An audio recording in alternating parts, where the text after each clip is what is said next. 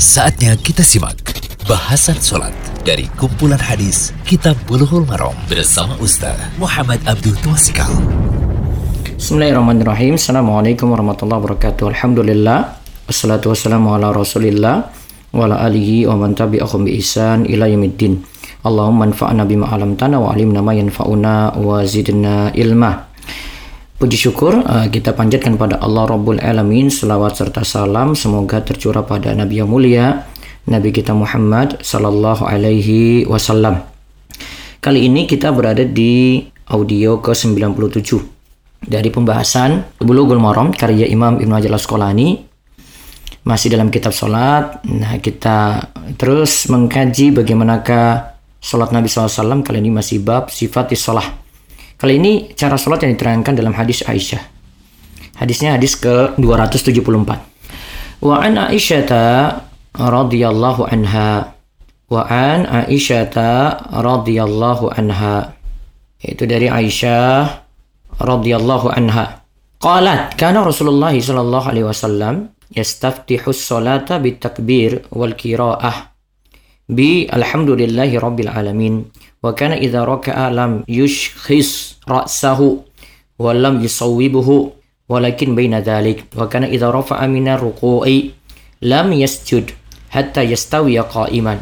Wa idza rafa'a min sujudi lam yasjud hatta yastawiya jalisan. Wa kana yaqulu fi kulli rak'ataini at-tahiyyah wa kana yafrishu rijlahu al-yusra wa yansibu al-yumna wa kana yanha an uqbati syaitan wa yanha an yaftarisha ar-rajulu dhira'aihi iftirasha sab'i wa kana yakhtimu sholata bi taslimi akhrajahu muslimun wa lahu illatun.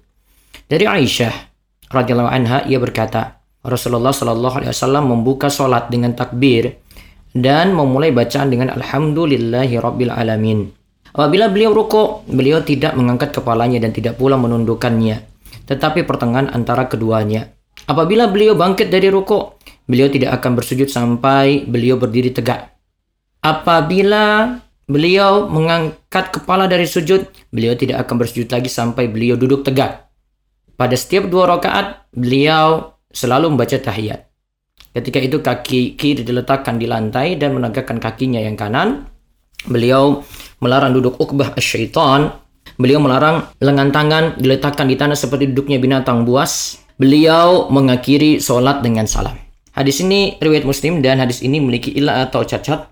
Lengkapnya hadis ini secara zahir sahih tetapi ada ilah yaitu cacat karena Abul Jauza yang mana nama aslinya adalah Aus bin Abdullah Ar-Rabai uh, tidak mendengar dari Aisyah. Ya, tidak mendengar dari Aisyah. Uh, Ibnu Adi dan Ibnu Abdul Bar menyebutkan seperti itu. Ibnu Adi dan Ibnu Abdul Bar menyebutkan seperti itu. Lalu dikatakan namun ada kemungkinan Abdul Jauza itu mendengar langsung karena masih semasa. Inilah yang dimaksudkan oleh Imam Muslim. Namun sejatinya perawi tidak berjumpa dengan yang ia riwayatkan darinya atau tidak mendengarnya secara langsung. Oleh karena itu hadis ini mursal. Allahu a'lam. Nah, kita lihat keterangan hadis karena Rasulullah SAW yastaftihu salata bitakbir disebut Rasulullah SAW membiasanya membuka salat dengan takbir karena itu fiil uh, naqis ya kata karena di sini fiil madhi naqis jika khobar karena itu fiil mudhari itu menunjukkan makna istimrar artinya terus menerus artinya Rasulullah SAW itu biasa uh, membuka sholat dengan takbir ya itu berarti terus menerus seperti itu selama tidak ada hal yang menyatakan lain maka ini sifatnya istimror terus menerus. Yang dimaksudkan membuka sholat dengan takbir di sini adalah takbiratul ihram. Ingat yang dimaksudkan adalah takbiratul ihram. Kemudian kalimat wal qira'ata alhamdulillah bilhamdulillahi rabbil alamin dan memulai bacaan dengan alhamdulillahi rabbil alamin berarti beliau membaca surat al-fatihah setelah itu.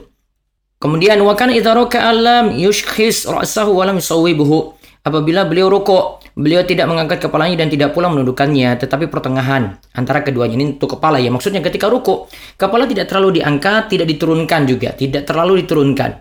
Ya, tidak terlalu diturunkan. Tetapi kepala dalam keadaan lurus dengan punggung, lurus dengan punggung. Ingat lurus dengan punggung.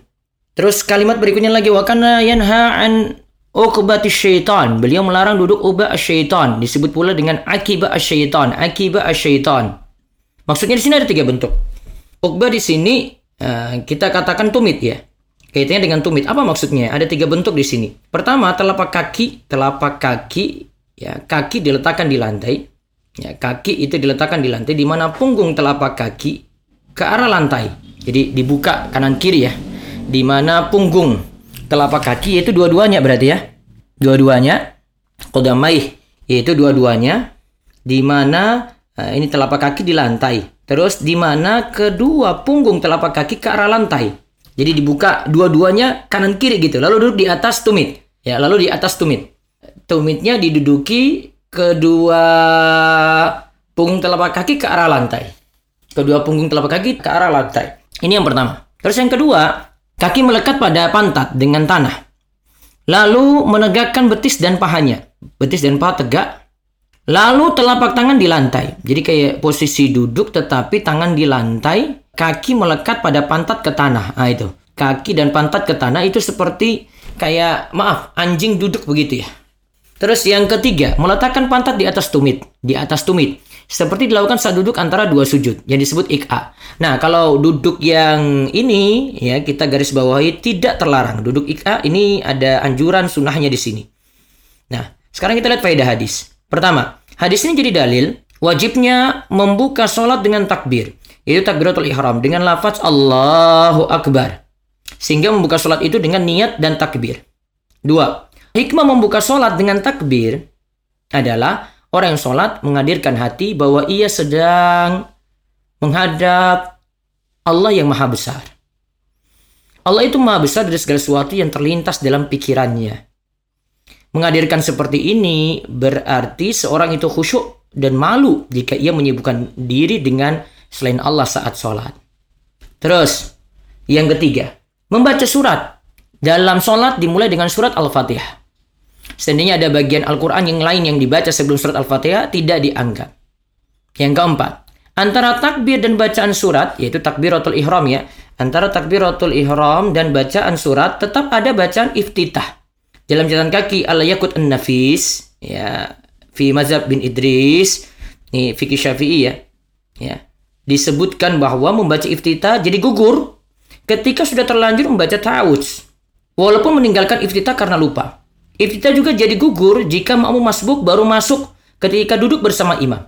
Sedangkan jika makmum masbuk masuknya ketika mengucapkan amin, amin bersama imam, bareng imam, maka tetap dianjurkan membaca iftitah lagi. Jadi kalau misalnya amin saat dia masuk baca amin bareng imam, artinya dia masbuknya di situ, maka dia silakan baca iftitah lagi baru dia kalau menurut pendapat mengulangi Al-Fatihah, makmum juga baca Al-Fatihah berarti dia baca Al-Fatihah lagi.